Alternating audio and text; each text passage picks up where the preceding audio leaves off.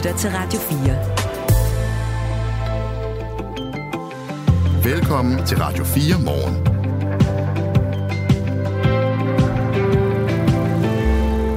Julefrokosten den slutter kl. 24, og der bliver ikke serveret snaps, shots og drinks, men kun vin, øl og vand.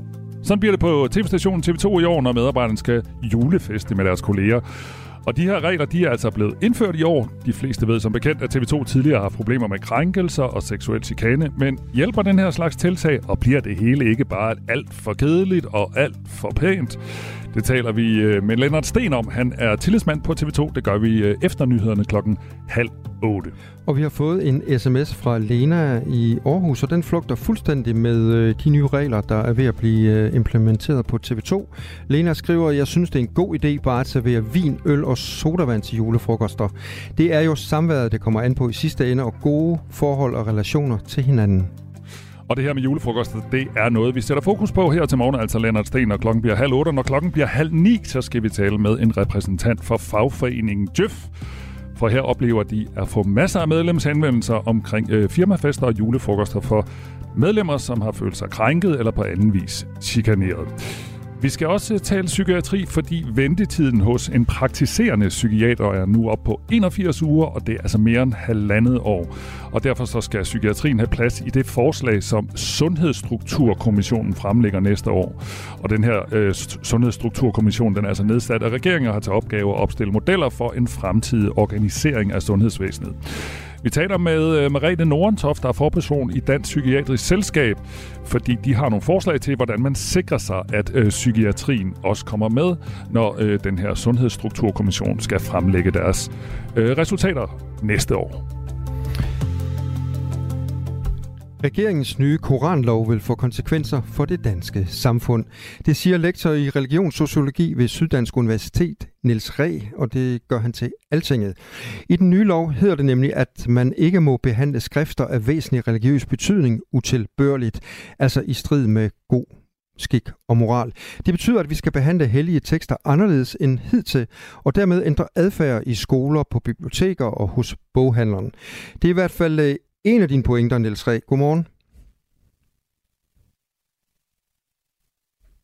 Ja, Jamen det er rigtigt, altså fordi øh, altså hvis man ser på det her øh, lovforslag i et øh, historisk perspektiv, øh, så er det øh, et markant brud med øh, dansk øh, tradition, som netop vil få øh, ændringer øh, i biblioteker og i det hele taget øh, alle andre steder, hvor man har øh, helligtekster, og altså også i den danske folkeskole.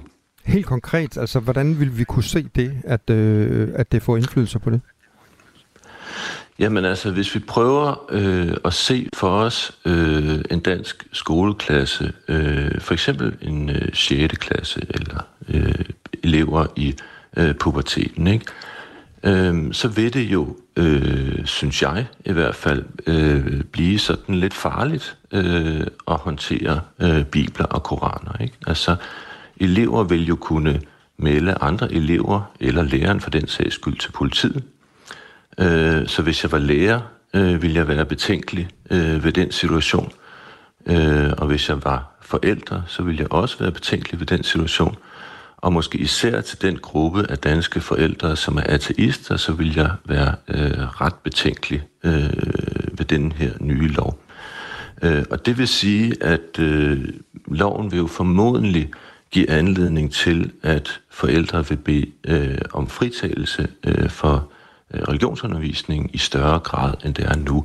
Og det er jo ikke noget, som vi ellers øh, er meget for i den danske folkeskole. Der vil vi jo gerne have øh, hvad skal man sige, en fælles undervisning og en fælles dannelse og den slags ting. Du siger, at... at Derudover, øh, ja, ja, må du, jeg lige... Ja, det må du. Øh, ja, øh, Øhm, altså derudover, så skal man jo også være opmærksom på, at der nogle gange vil være religiøse spændinger i øh, blandt i en forældregruppe og elevgruppe i en dansk folkeskole, og der vil det her også kunne øh, give øh, føde ind i det, øh, så at sige. Ikke? Og den tredje øh, ting, som hvad skal man sige, er øh, måske et problem, eller i hvert fald et brud med, med dansk tradition, det er jo, at man, at regeringen så at sige importerer en skriftopfattelse, som minder øh, om noget, man jo ellers ikke kender i Danmark, men noget, man kender i øh, mere fundamentalistiske religioner som islam eller amerikansk kristendom. Det, der skete i sidste uge, det var, at regeringen ændrede ordlyden i Koranloven. Her blev lovforslaget blandt andet indskrænket til kun at gælde utilbørlig behandling af skrifter med væsentlig religiøs betydning, fordi tidligere så hed det ellers, at loven skulle omfatte genstande med væsentlig religiøs betydning. Nu gælder loven også kun folkekirken og trosamfund, som er registreret som anerkendt efter trosamfundsloven. Før galt det alle trosamfund, uanset om trosamfundet var registreret som anerkendt eller ej.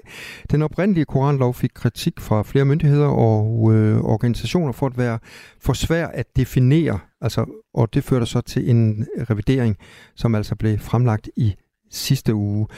Øh, hvad er det for nogle konsekvenser, at vi kan frygte, at den her lov den øh, kan få? Jamen altså, øh, det, det, altså, altså det vil jo, øh, altså fordi man øh, importerer en øh, skriftopfattelse fra øh, øh andre, øh, altså en, en ikke-dansk øh, tradition, ikke? så kunne man jo godt frygte, at man, øh, altså hvis vi forestiller os, at den her lov, den bliver vedtaget, og den bliver gennemført, og den med tiden øh, bliver accepteret, at man sådan skubber danskernes øh, opfattelse af øh, religiøse tekster i det hele taget øh, i en sådan lidt øh, fundamentalistisk retning. Ikke? Fordi nu bliver tekster noget, der skal behandles øh, erbødigt øh, og på en særlig måde. Altså det er ikke sådan noget, som vil ske øh, overnight og være voldsomt, Øh, men det vil alligevel være et, øh, hvad skal man sige, skub i den retning. Hvordan, det, øh, hvordan kan man komme til at skubbe dem i en øh, fundamentalistisk retning? Jo, men altså, øh, for eksempel, øh, så, så betyder det jo noget, øh, hvad det er, man øh, holder øh, for erbødigt. Ikke? Altså, øh, i den katolske kirke, der er præsten for eksempel hellig, og derfor så behandler man præsten øh, på en særlig måde. Det er præsten ikke i en luthersk kirke. Øh, der er det evangeliet, der er øh, helligt. Men her siger man jo så, at nu er teksten øh, i sig selv øh, noget særligt, som skal behandles på en øh, særlig måde. Og hvis det ligesom bliver indoptaget, fordi det er også noget, som sagt, at danske skoleelever vil blive udsat for, så vil man, kunne man frygte, at man vil begynde i det hele taget at se på religiøse tekster øh, på en anden måde. Og, og derfor så kunne man også frygte, at det kunne få øh, konsekvenser i forhold til øh, religion og politik i det spændingsfelt. Ikke? Al- altså at, i øh, folkeskolen? I Danmark generelt, ikke? Ikke kun i folkeskolen, men sådan set, at det giver anledning til en anden opfattelse af, øh, hvad en religiøs tekst er. Niels Reh, udover at være øh, lektor ved STU, så er du også medlem af det rådgivende øh, udvalg vedrørende trosamfund, der rådgiver øh, Kirkeministeriet om anerkendelse af trosamfund. Inden den her reviderede koranlov blev præsenteret i sidste uge, så har du sammen med dine kolleger i det rådgivende udvalg indsendt et høringssvar til regeringen. Her kritiserer I netop øh, et ord som utilbørligt, og hvordan det skal defineres, ligesom I skriver, at loven mangler inddragelse af teologisk og religionsvidenskabelig viden i processen. Så den her opdaterede øh, koranlov, som så kom i sidste uge, har, har det gjort det lettere at definere? Altså det har det på den måde, at man indskrænker jo, hvad det er, altså, altså genstandsfeltet, så at sige. Ikke? Øh, fordi med den øh, lov, øh, det første lovforslag, så at sige, der var det, øh, synes jeg, meget, meget vanskeligt for borgerne i det hele taget at vide, øh, hvad det var, øh, der kunne være øh, en religiøs øh, genstand. Altså, altså man har erstattet ordet genstand med skrift? Ja, ja, det har man ikke, fordi i, i den... Øh, altså, altså, borgeren kan jo ikke i almindelighed gå rundt og, og holde styr på, øh, hvad alle mulige grupper øh, holder for en øh, religiøs genstand. Øh, så det vil være ganske, ganske vanskeligt at vide, hvad man overhovedet kunne, altså hvilke genstande det kunne være, man kunne øh, kriminalisere sig selv med, ikke? Altså, øh, og behandle dårligt, ikke? Øh, ja, det var ikke særlig... Ja. Men, men den her koranlov, som nu så, blevet revideret, og som vi, som vi så ser den i dag, mens vi to vi sidder og taler, øh, Er den, øh, er, er den god nok, ifølge din øh, bedste overbevisning? Øhm, altså, jeg synes, at, at det er et problem, øh, at den, øh, er en, den er en, vil ændre, øh, som jeg ser det, eller man kan frygte, at den vil ændre øh, dansk kultur. Øh, men det er klart, at den er nemmere øh, rent administrativt at have med at gøre. Men man skal jo være, selvfølgelig være klar over, at vi måske i Rådet for Anerkendelse af Religiøse øh, Trosamfund øh, vil kunne få øh, øh, ansøgninger, øh, hvor man øh, påberåber sig øh, tekster øh, af, hvad skal man sige, usædvanlige karakterer. Ikke? Altså, der vil komme et... Øh, det, det kan man ikke forudsige, om der vil, der må være, om der vil være grupper, som vil øh, søge anerkendelse øh, med nogle, skal vi sige, relativt usædvanlige tekster. Ikke? Men det er klart, rent administrativt er det blevet en, en, en væsentlig nemmere lov at have med at gøre. Tak skal du have, Niels Ræk, lektor i religionssociologi ved Syddansk Universitet. Godmorgen. Godmorgen. Hey, no vayas presumiendo por ahí, diciendo que no puedo estar sin ti. Tú que sabes. Kan du høre, hvem det er, Claus? Det lyder som Julio Iglesias. Bingo. Fuldstændig rigtigt. Jeg træng, øh, tænkte, vi trængte til noget øh, spansk stemning her fra morgenstunden, Okay, så min fantasi rakte til Julio. kommer du ind med noget tapas lige om lidt så? Det har jeg glemt. Men grund til, at vi skal snakke om Spanien, det er, fordi der er kongeligt besøg fra Spanien i dag. Det var fra i dag og til onsdag, og det er det spanske kongepar, der kommer. Kong Philip og dronning Letizia, tror jeg. Og så tænker jeg, når det her sker, så kan det jo være meget godt med lidt fakta, hvis man nu i kantinen kommer til at sidde ved siden af nogen, der er interesseret i det royale. Ja. Så nu klæder jeg dig på, Claus, og jeg lytter, så I kan tale med om Spanien, hvis det bliver det store samtaleemne, når nu vi får besøg af det spanske kongepar. Ja. Så her kommer lidt øh, såkaldt konversationsfakta. Der bor øh, cirka 47 millioner mennesker i Spanien. Det er mange. Det er mange. I areal, altså hvis man ser på arealet, så er det Europas fjerde største dag. Hvis nogen, hvis nogen spørger dig ned i kantinen, Claus, hvad er deres nationaldag, så skal du bare sige, det er den 12. oktober, Hvorfor? Fordi den markerer Christopher Columbus ankomst til Amerika mm. i 1492. Ja, så ved du det. selvfølgelig. Ja, det er klart. Og så kan jeg fortælle dig, at Spanien er verdens tredje største vinproducent efter Italien og Frankrig. Øh, og mere end... Det er sådan lige en lille, sådan en lille fakta, det her. Men det kan du skyde af, hvis det er. Mere end 20.000 mennesker samles hvert år i byen af Bunol, tæt på Valencia, for at deltage i Tomatkampfestivalen La Tomatina. Og de kaster 150.000 tomater efter hinanden. Så ved du også det. Og bogen, som betragtes som den første moderne roman, er spansk og skrevet af en spanier, Miguel de Cervantes. Ved du, hvad det er for en bog? Nej, det gør jeg ikke. Det er Don Quixote. Okay. Skrevet i 1605, der kom første del, og i 1615, der kom anden del. Og man skal også vide lidt om det kongepar, der kommer. Det er altså kong Philip og dronning Letizia. Øh, han er 55, hun er 51, og før hun blev dronning, så var hun kendt, øh, en kendt tv-stjerne og journalist. Hun har blandt andet arbejdet for Spanske TV, og øh, hun har også vundet prisen for den bedste journalist under 30 år. Da, altså, da hun var under 30. Og så er hun jo den første spanske dronning, der er fraskilt, fordi hun var gift, før hun blev gift øh, med øh, kongen. Og øh, det kommer i dag kl. 14.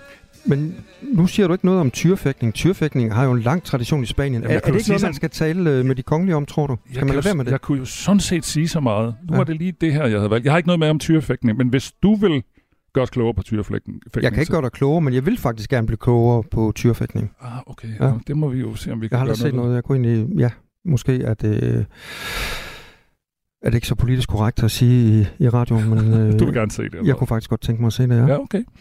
Nå, men øh, nu fik du og lytterne i hvert fald sådan lige lidt øh, fakta, hvis man havner i kantinbordet med nogen, der rigtig gerne vil tale om det her besøg af det spanske kongepar. Klokken den er 7.19. Det her er Radio 4 morgen. Og så skal vi til noget helt, helt andet. For ventetiden hos en praktiserende psykiater er nu oppe på 81 uger. Det er altså mere end halvandet år. Og derfor så skal psykiatrien have plads i det forslag, som Sundhedsstrukturkommissionen fremlægger næste år. Det, beskriver, øh, det skriver bestyrelsen i Dansk Psykiatrisk Selskab i en kronik øh, i politikken. Og Sundhedsstrukturkommissionen, hvis du har glemt, hvad det er, så er det øh, en kommission, der er nedsat af regeringen og har til opgave at opstille modeller for en fremtidig organisering af sundhedsvæsenet. Og i den her kronik, øh, der kommer Psykiatrisk Selskab også med bud på, hvilke dele af psykiatrien, der skal opprioriteres. Margrethe Nordentoft er forperson i Dansk Psykiatrisk Selskab. Godmorgen. Godmorgen. I kronikken, der skriver jeg blandt andet, det ligger også meget på sinde, at behandlingen af mennesker med psykiske lidelser bliver tænkt ind i kommissionens arbejde på lige fod med alle andre patientgrupper. Har du en forventning om, at de vil glemme de, øh, de psykiske, eller folk med psykiske lidelser, hvis ikke I øh, råbte op? Vi synes i hvert fald, at det vil vi øh, forebygge, så derfor tænkte vi, at vi måtte skrive en huskeseddel til dem, om hvad for nogle ting, vi i hvert fald synes, der skulle øh, med i, øh, i deres arbejde. Og det er jo fordi, blandt andet har vi haft den oplevelse, at der er mange, der tror, at psykiaters behandling, det foregår enten under indlæggelse eller i kommunerne. At når man øh, er udskrevet fra psykiatrisk afdeling, så er det kommunerne, der tager over. Og det er ikke tilfældet. I langt de fleste tilfælde, så får man efterfølgende et ambulant behandlingstilbud, øh, meget ofte i regionalt regi. Øh, der er faktisk 100.000 mennesker, som får behandling i hospitalsambulatorier eller ambulante teams i længere perioder. Og det vi prøver at gøre opmærksom på, det er, at mange af de psykiske lidelser er langveje. Vi ved godt, at man samtidig selvfølgelig har nogen, der har en rigtig god prognose, men der er nogen, der har brug for langvarig hjælp. Og det er noget, som vi synes, at Strukturkommissionen øh, skal have fokus på og sikre, at der også i fremtiden, eller måske endnu mere i fremtiden, er fokus på at øh, hjælpe folk, øh, når de kommer ud fra sygehus, både med kommunale tilbud og med tilbud øh, fra hospitalsambulatorier. Og så er der nogen, der kan klare sig øh, med øh, tilbud udelukkende hos praktiserende psykiater i primærsektoren, men det er jo så der, hvor der er en meget lang ventetid, mm. og hvor vi også har gjort opmærksom på det. Nu sagde du, at I havde skrevet en huskeseddel, eller måske endda en ønskeseddel. Hvis du nu bare lige skulle nævne, hvad der står allerøverst på ønskesedlen, hvad er det så egentlig? Øhm, men det tror jeg egentlig er det, jeg lige har sagt, at man husker, at den ambulante øh, behandling i psykiatrisk regi, at det skal prioriteres højt. Det er jo også noget af det, vi prøver på at overbevise regeringspartierne om i forbindelse med øh, øh, psykiatriforhandling, eller i, forbindelse med øh, psykiatriplanen, at mm. det er et meget vigtigt øh, punkt. Men de andre punkter er altså også rigtig vigtige. Vi har jo punkter, der handler om, hvordan man kommer tilbage til arbejde. Vi har punkter om, hvordan man bedst øh, forkorter ventetiderne til øh, psykiatrisk speciallæge ved samarbejde med almen praksis. Øhm, så det, der er jo andre meget vigtige punkter mm. også. Sundhedsstrukturkommissionens opgave det er at finde modeller for fremtidens sundhedsvæsen, som tager højde for, at der altså er mangel på medarbejdere i sundhedsvæsenet, som vi har hørt masser af gange, samtidig med, at der er et stigende antal patienter. I kronikken i politikken, der skriver I, at det er en meget kompleks opgave, som øh, kommissionen står overfor, og derfor er I klar med anbefalinger til, hvad der er vigtigt at tænke ind. Og når jeg ser I, så er det, fordi jeg taler med Marete Nordentoft, som er forperson i Dansk Psykiatrisk Selskab og har skrevet den her kronik sammen med flere kolleger. Øh, Marianne Nordentoft, lad os lige blive lidt konkrete. I mener blandt andet, at de praktiserende læger skal spille en mere central rolle i behandlingen af angst og depression. Hvad er jeres tanker om det? De praktiserende læger spiller i forvejen en meget central rolle. Det er jo der, man går hen i første omgang med angst og depression. Og det vi tænker på, det er, hvordan kan vi hjælpe de praktiserende læger med at løse opgaven bedst muligt? Og der peger vi på to øh, projekter, øh, som har været afprøvet, og som begge to har vist gode resultater. Det ene det er det projekt, der hedder Kolabri, hvor at der er personale fra regionspsykiatrien, øh, mest klassisk sygeplejersker med en efteruddannelse, som hjælper de praktiserende læger med et øh, tilbud til patienter med angst og depression. Det har været afprøvet i en stor lodtrækningsundersøgelse, og det viser, at det går bedre med de patienter, end dem, som de praktiserende læger håndterer ved selv at sende dem forskellige steder hen.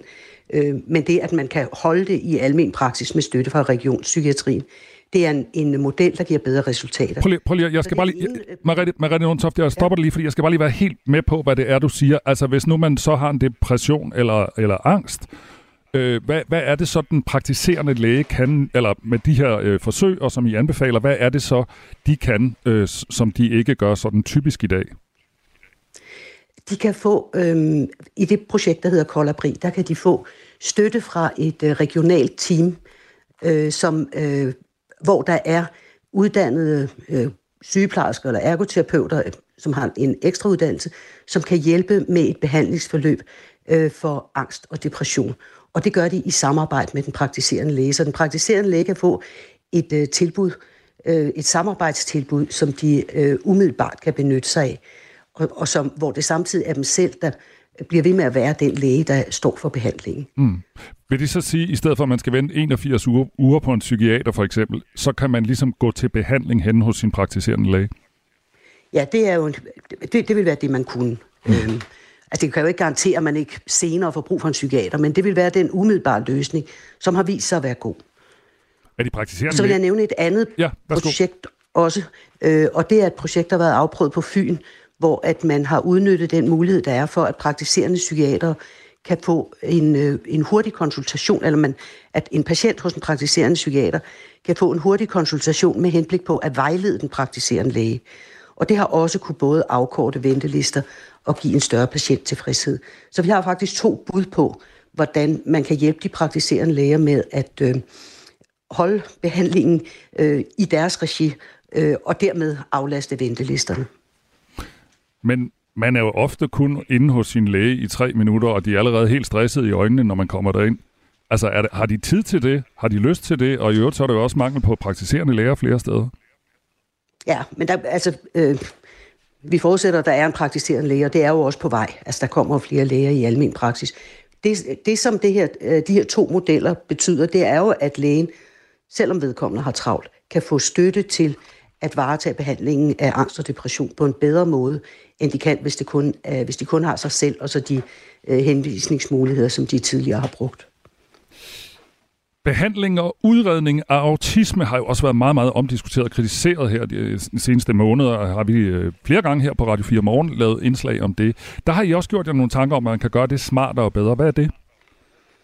Altså det, vi har fæstnet os ved, det er, at øh, øh udredningen af autisme i mange tilfælde foregår i regionerne, men behandlingen foregår i kommunerne.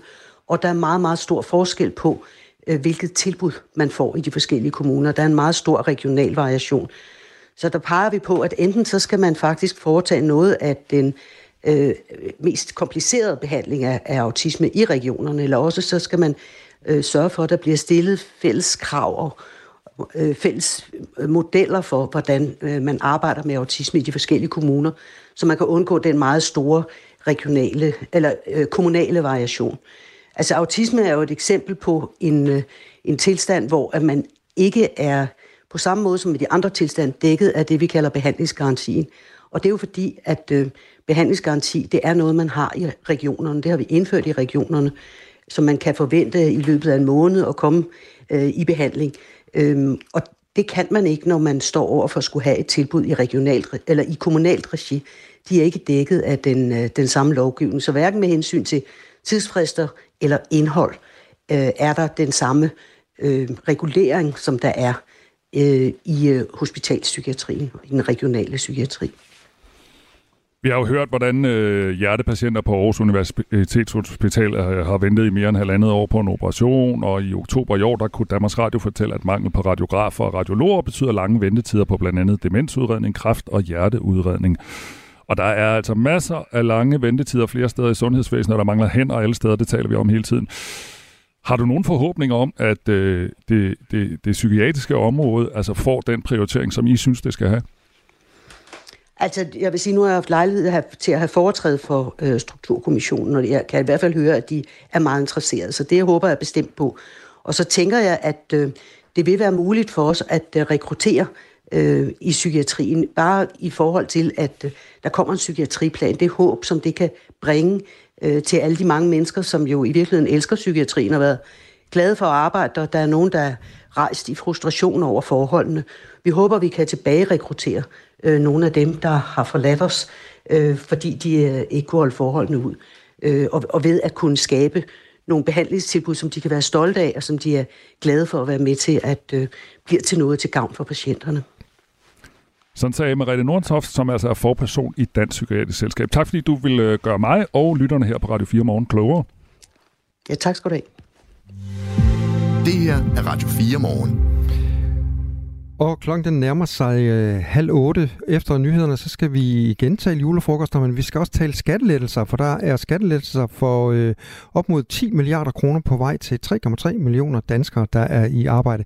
Sådan lyder det fra økonomiminister Troels Lund Poulsen, og han præsenterer altså en ny skattereform øh, senere i eftermiddag. Nu er klokken halv otte. Nu er der nyheder på Radio 4. Det er sund fornuft at skrue lidt ned for snaps, drinks og andre former for spiritus ved julefrokosten. Det mener Michael Urenholdt, der er teamchef i fagforeningen Ledernes Ledelsesrådgivning. En undersøgelse fra fagforeningen viser, at hver fjerde virksomhed kun serverer vin, øl og vand på deres arbejdsplads til de forestående julefrokoster.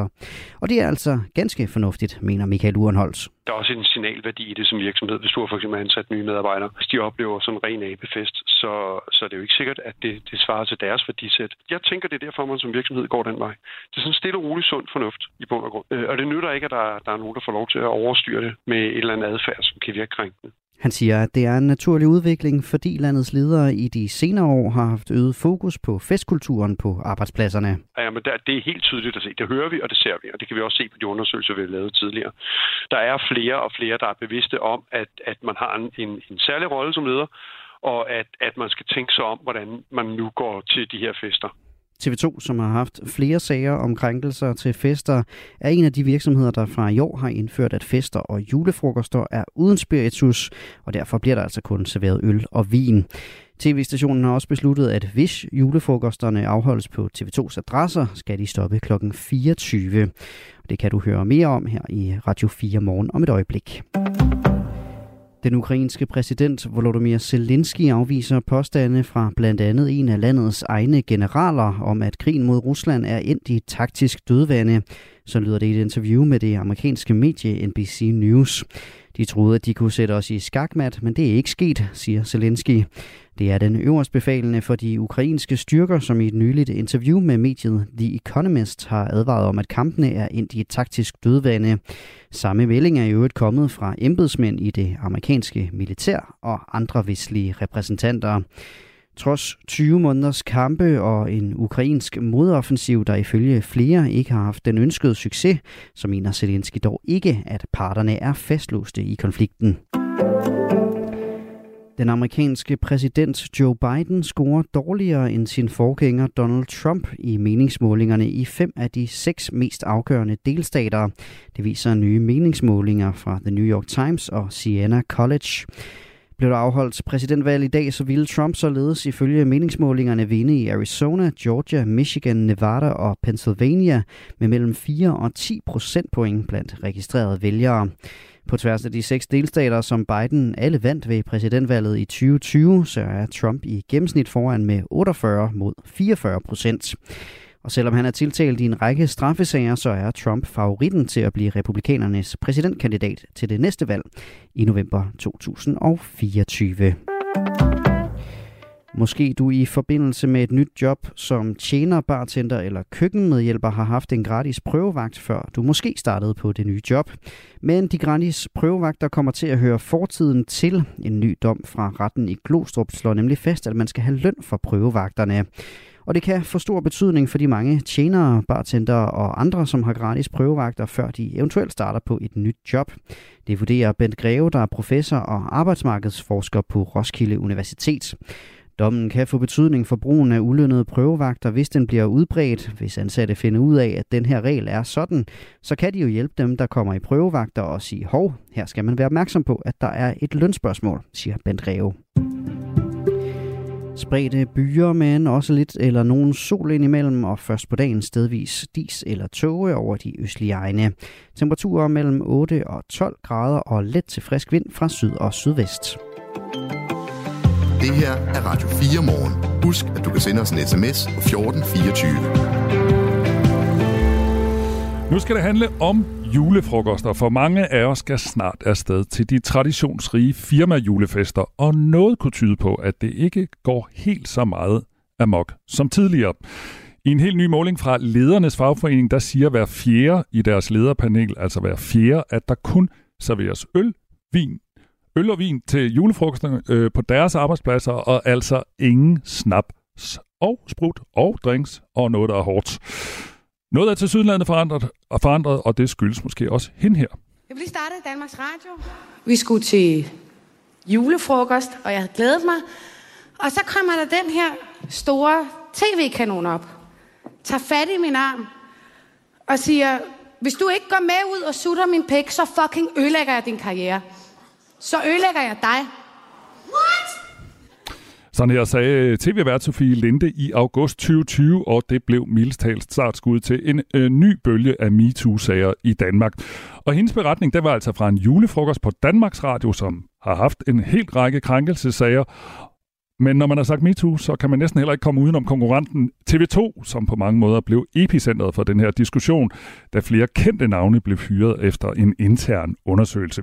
Sagerne har betydet, at man på TV2 i år har lavet regler for festerne, og man kan altså kun købe øl og vin. Det er ingen, der er ingen snaps, der er ingen shots, der er ingen drist, øh, drinks. Og hvis festen afholdes på TV2's adresse, så skal den slut til midnat. Lennart Sten er hovedtillidsmand på TV2. Godmorgen. Godmorgen. Det lyder som nogle kedelige fester, I skal have på TV2.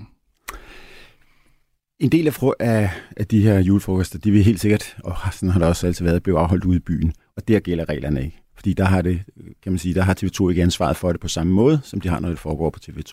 Så jeg tror, at de fester øh, vil, øh, vil fortsat være der. Men de har også de senere år været nogle anderledes fester, fester blandt andet, øh, som du selv siger, på grund af hele opgøret, på grund af hele MeToo, og hele den her øh, revolution i måden at være sammen på, øh, som jo har ramt hele samfundet, men som i særdeleshed også har ramt os.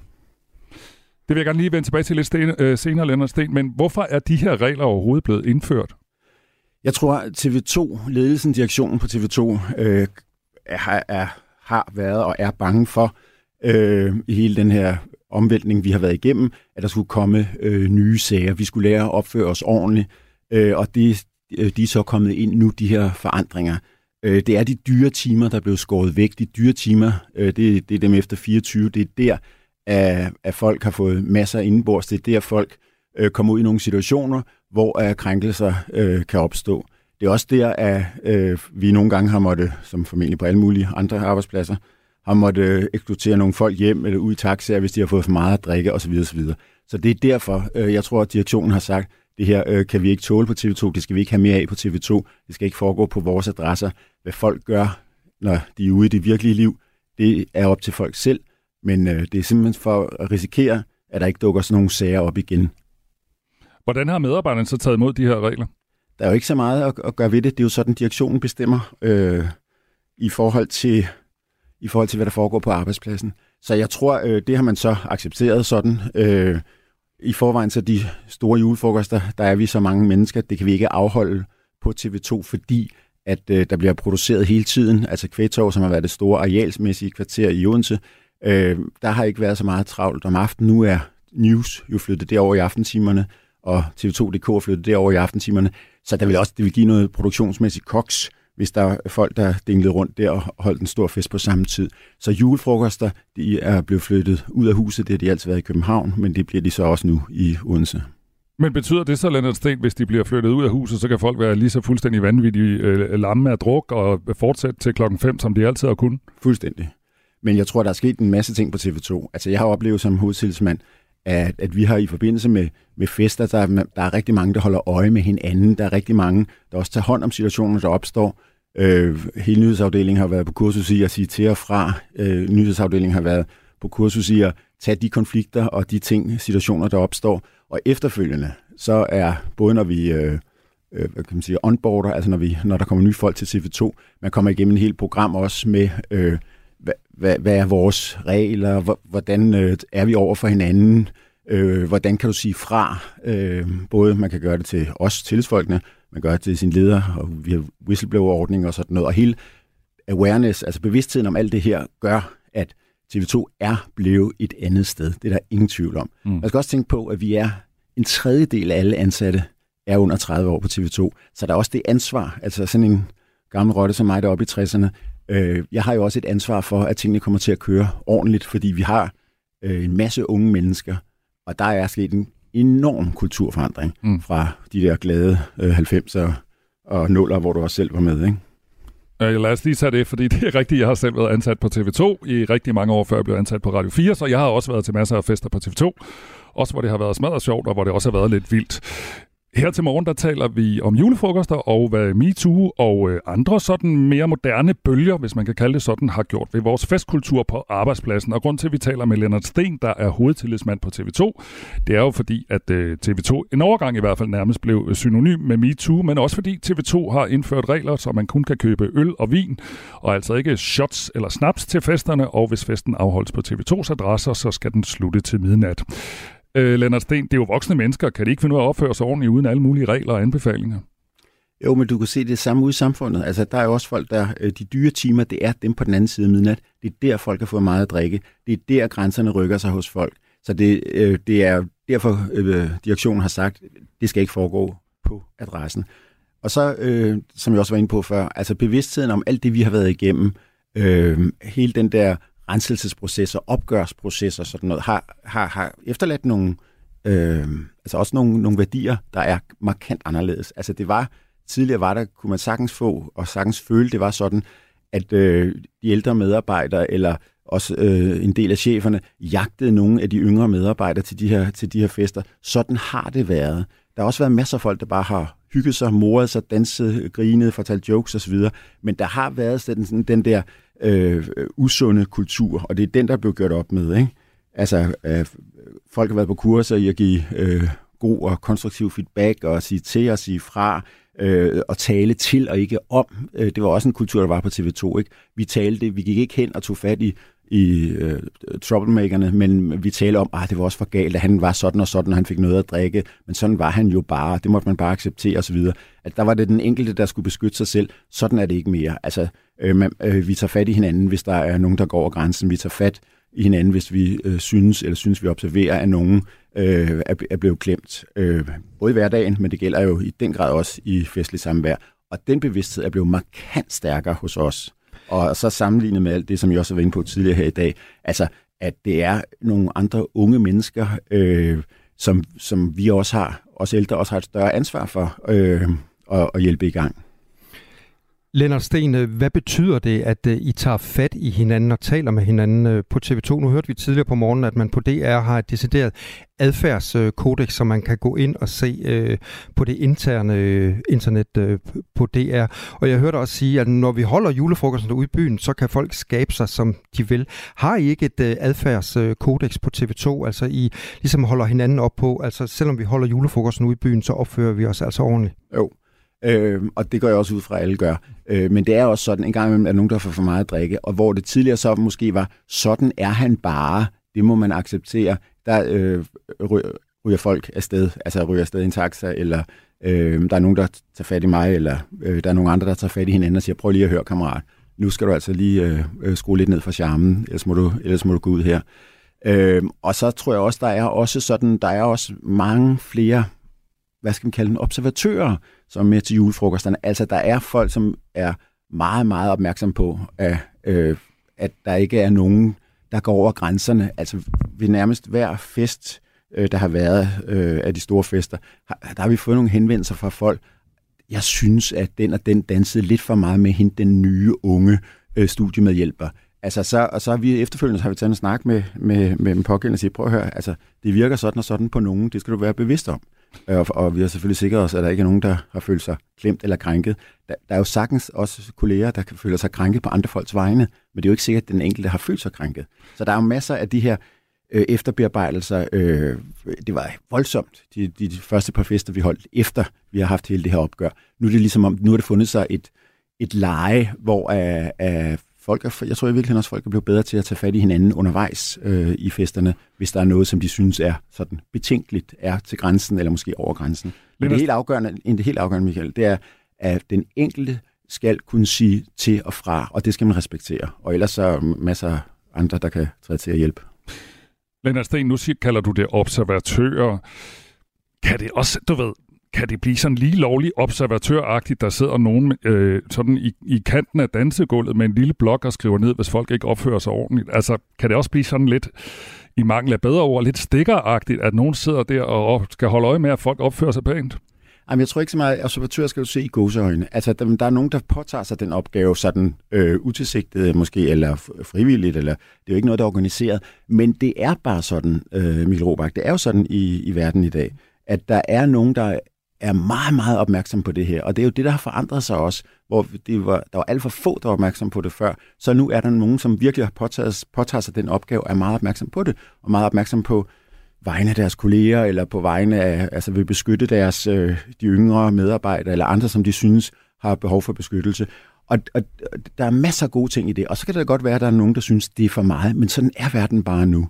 Øh, så, så, så det blev en del af hele det der persongalleri, der er til alle mulige fester. Der er også nogen, som påtager sig den opgave øh, at, at være ekstra opmærksom og, og ekstra vågen. Mm. Vi taler med Lennart Sten, der er hovedtillidsmand på TV2, og vi taler om, hvordan, øh, eller hele morgen igen, der taler vi om, hvordan julefrokoster øh, har udviklet sig eller ændret sig de senere år. Øh, Lennart, du var lige sådan lidt inde på det.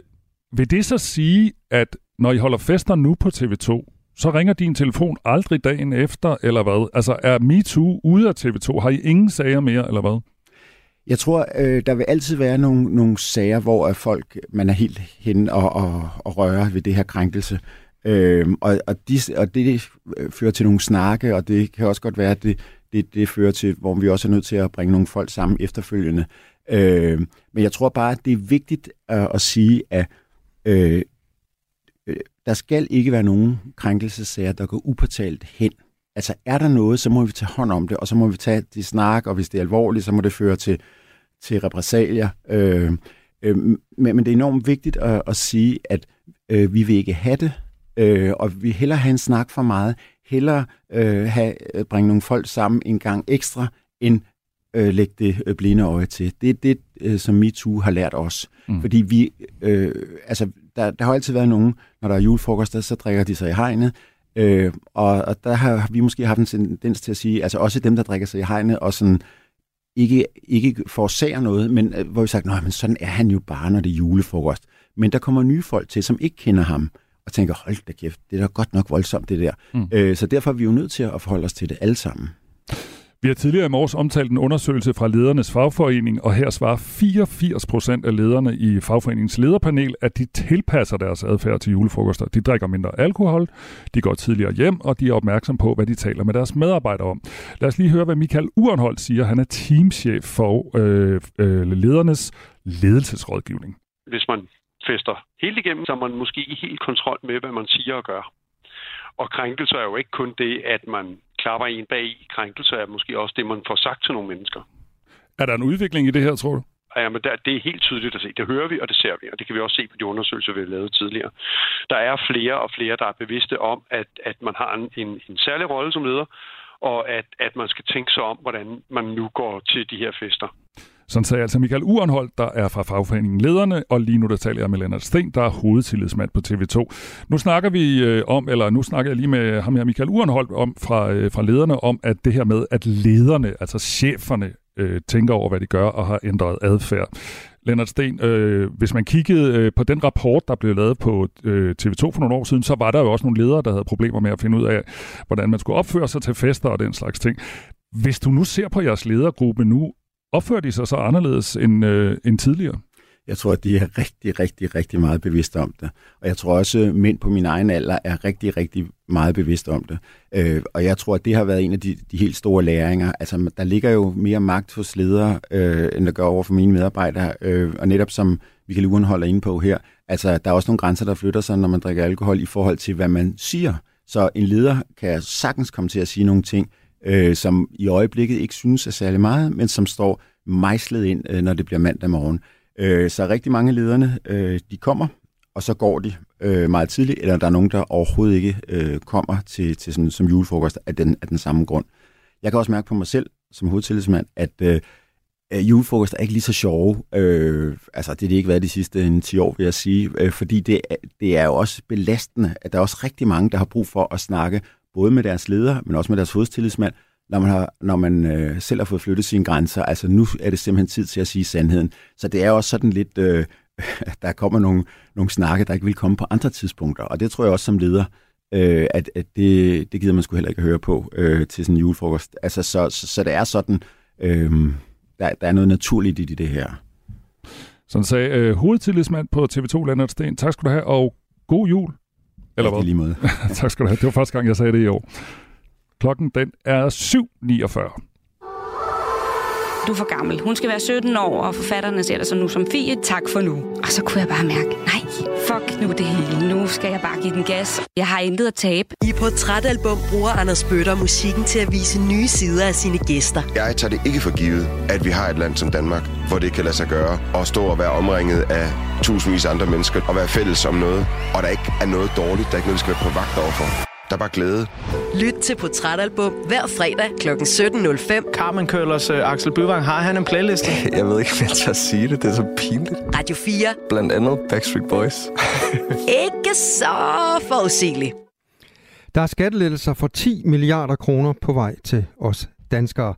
Nemlig i alt 3,3 millioner af os danskere, der er i arbejde. Sådan lyder det altså fra økonomiminister Troels Lund Poulsen fra Venstre forud for regeringens præsentation af skattereformen, og den bliver præsenteret her senere i eftermiddag.